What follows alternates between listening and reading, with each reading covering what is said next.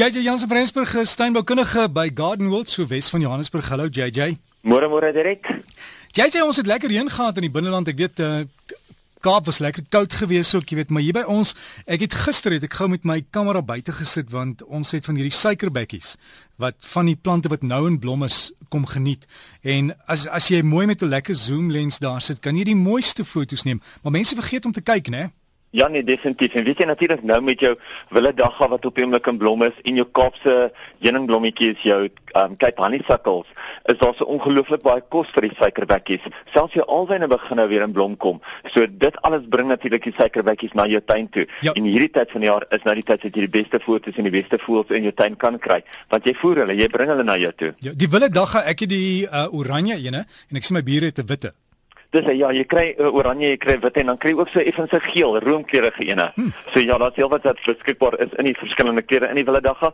Maar gaan gesels bietjie met jou naaste kwekery en hoor wat watse plante lok daai suikerbekkies in. Dan kan jy spesifieke voels teiken wat jy graag na jou tuin toe wil lok. Ja, ek sal hom op my Facebook gaan sit die foto wat ek geneem het, dan kan die mense gaan kyk. Maar JJ, ons moet ander dinge in die tuin doen, die bolle, dit moet in hè dan sal jy definitief vroeër in die herfs het gesê dis nog te vroeg om jou bolle te plant, maar nou begin die, die weer al hoe beter lyk.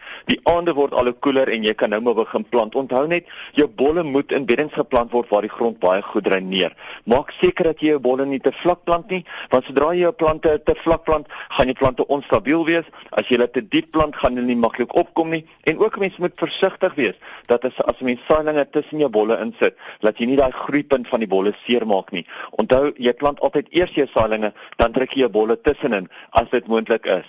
As jy 'n potsou plant en jy plant eers jou bolle en jy sit jou saailinge bo in, moet jy maar net baie versigtig wees en onthou waar jy jou bolle ingesit het, dat jy nie jou um, bolle seermaak met jou saailinge nie.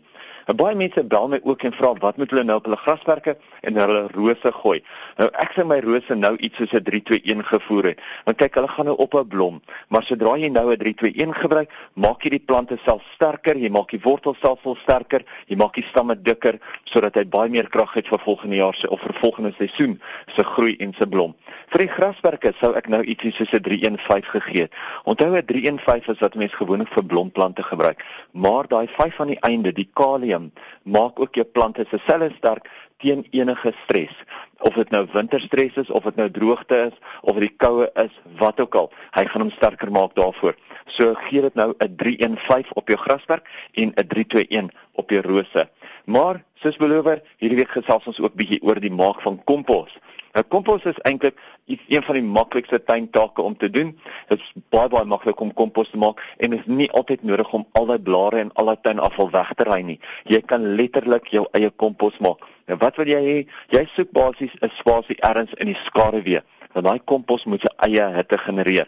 'n Mens moet probeer om nie te veel fyn materiaal te gebruik nie. Mense gebruik gewoonlik baie grouwe materiaal en natuurlik gebruik 'n mens ietsie soos 'n organiese um komposaktiveerder of kraalmis wat 'n mens kan bygooi sodat dit ook die kompos dan kan aktiveer.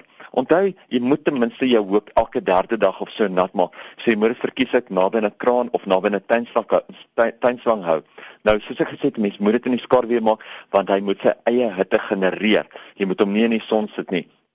Jy kan 'n kompos gat grou waar jy die kompos weggrou in die grond en dit stelselmatig in lae opbring of jy kan natuurlik die kompos bo op die grond neersit en dit dan natuurlik net met bo-grond bedek. Onthou as 'n mens dit met bo-grond bedek, dan moet 'n mens eh, 'n laagie landboukalk insit en jy moet natuurlik 'n laagie van jou um kraalmis insit en dan natuurlik 'n laag bo-grond behoort dit.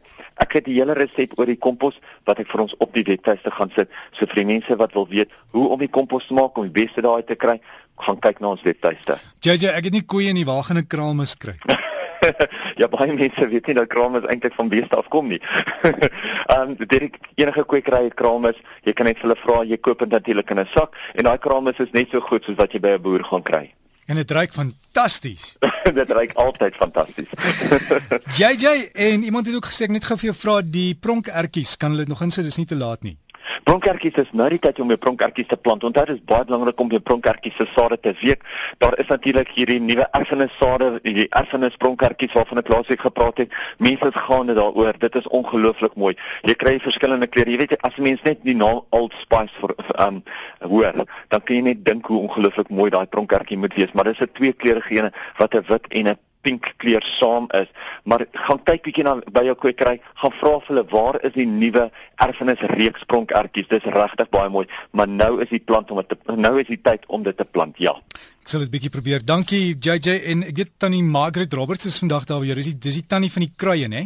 Dis hy, dit is die kruie kundige in die land. Dit is seker die mees bekendste dame met kruie. En tannie Margaret gaan vandag, Margaret Roberts gaan vandag met ons kom gesels oor haar 100 gunsteling kruie. So daar is nog 'n paar plekke as mense wil inkom, kan hulle deurkom, dan kan hulle kom luister na haar. Sy gaan hier sou wees 10:00 vanoggend 9:30 vir 10. Um, en natuurlik as jy enigiets wil weet oor kruie, is sy die regte persoon om mee te praat. En vat jou kruie boeke van Margaret Roberts aan as hulle sommer vir jou daar kan kan teken en die handtekening inskryf. En dit was JJ Jansen van Rensburg as jy wil e-pos met jou vrae as jy by gardenworld.co.za. Net jy by gardenworld.co.za en jy kan ook op hulle webtuiste daai inligting gaan kry is gardenworld.co.za.